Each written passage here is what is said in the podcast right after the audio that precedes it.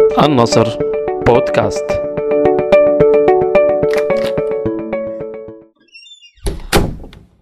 إنه شهر مارس آذار من عام 2022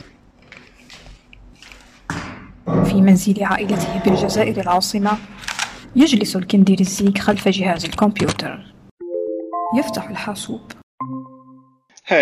ثم يبدأ اجتماعا عن بعد مع زملائه في العمل بأحد مختبرات معهد MIT الشهير في الولايات المتحدة الأمريكية. Uh,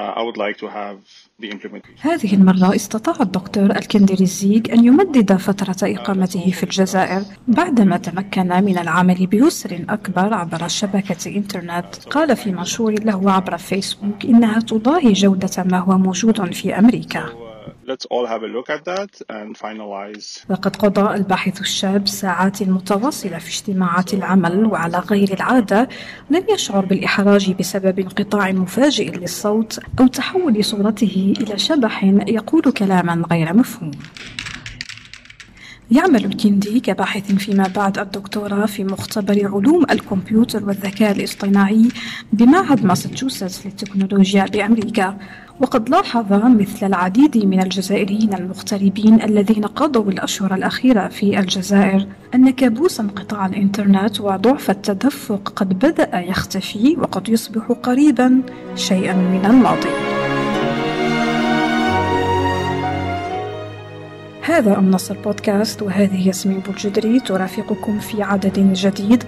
نستضيف فيه الباحث في معهد MIT الدكتور الكنديريزيك وهو خريج جامعة هواري بومدين للعلوم والتكنولوجيا بالجزائر العاصمة. ليخبرنا كيف يعتقد أن تحسن جودة الإنترنت في الجزائر يمكن أن ينعكس بالإيجاب على مسعى التحول الرقمي وما يأتي به من ازدهار لمناخ الأعمال والتطوير كما يحدثنا الدكتور عن التحديات المنتظرة في عالم أصبح قرية صغيرة تقترب كل يوم من ثورة الجيل الثالث للويب.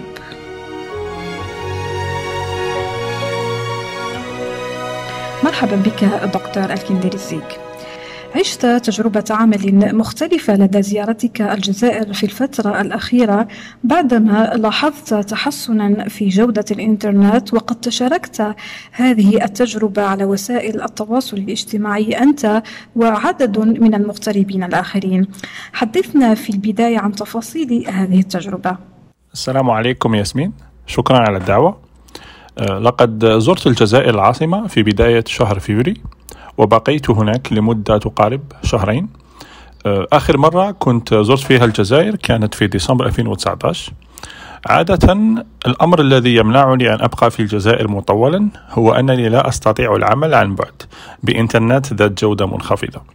آه، ولكن هذه المرة خلال مدة إقامتي لاحظت الكثير من التغييرات في الجزائر على الصعيد التكنولوجي. الأمر الذي جعلني أبقى في الجزائر لمدة شهرين هو أنني هذه المرة كنت أشتغل بأريحية مع زملائي في أمريكا عن بعد. آه، تدفق الإنترنت آه، في رأيي شهد قفزة نوعية لم تشهد لم تشهدها الجزائر من قبل. فقد كنت أقيم في حي موصول بالألياف البصرية وكانت آه، سرعة التدفق عالية وثابتة. فقد كنت أقوم باجتماعات عن بعد وأستطيع أن أقوم بتجاربي العلمية بكل سهولة. في جانب آخر لاحظت تنوع التطبيقات الخدماتية مثل خدمات النقل وخدمات التوصيل وغيرها من الخدمات التي أصبحت الآن متاحة بضغطة زر. كوني لا أحوز على سيارة في الجزائر استفدت كثيرا مثلا من خدمات طلب سائق للتنقل وهذا وفر لي الكثير من الوقت والجهد. هذه المرة وجدت انتشار كبير آه، لمساحات العمل المشتركة.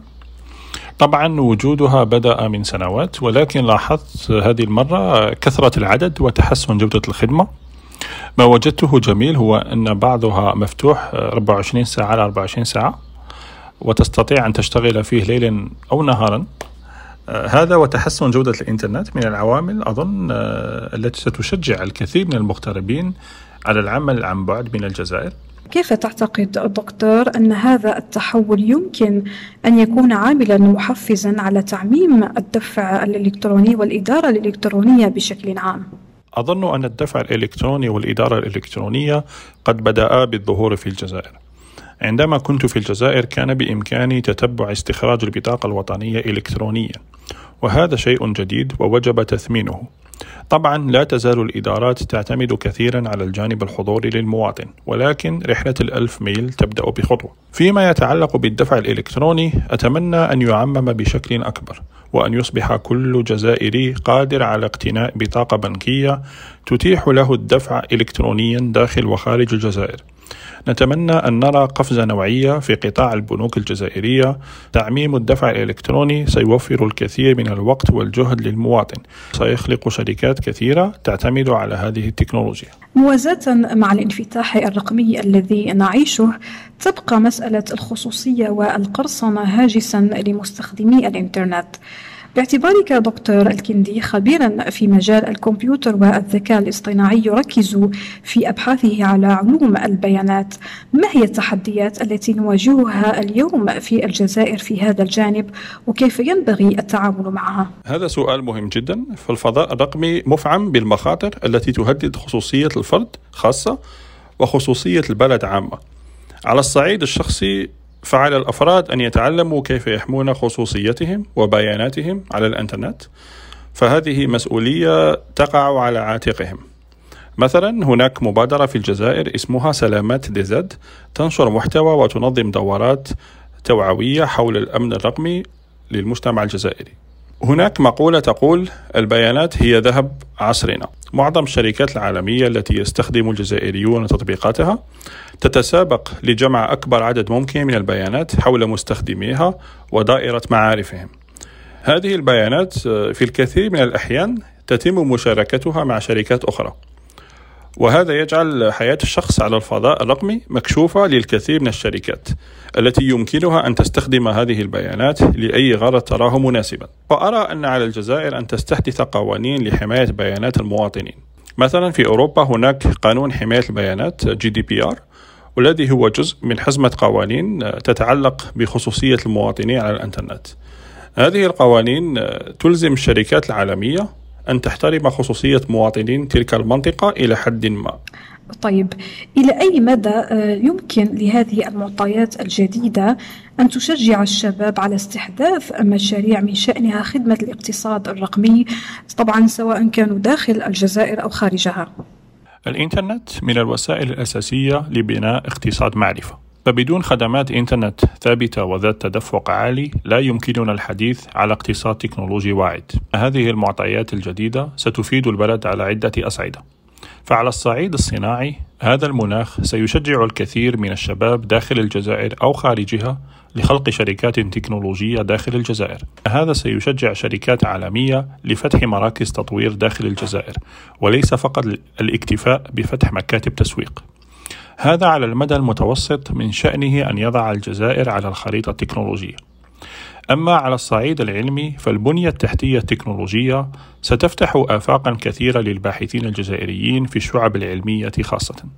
فالكثير من التجارب العلمية تعتمد على استخدام خدمات سحابية والتي تتطلب إنترنت ثابتة وذات تدفق عالي لإتاحة تحميل ورفع قواعد البيانات الكبيرة. كما أنني متفائل أن هذه العوامل ستضاعف من مجهودات الشباب لخلق مشاريع من شأنها خدمة الاقتصاد التكنولوجي نشكرك دكتور الكنديريزي على حضورك معنا. الشكر موصول لكم أنتم أيضا مستمعين على طيب المتابعة. في الأخير لا تنسوا الاشتراك في حساباتنا على جوجل بودكاست أنكور و سبوتيفاي ليصلكم جديد حلقاتنا. يمكنكم كذلك الاستماع لجميع الحلقات عبر الموقع الإلكتروني لجريدة النصر. إلى اللقاء.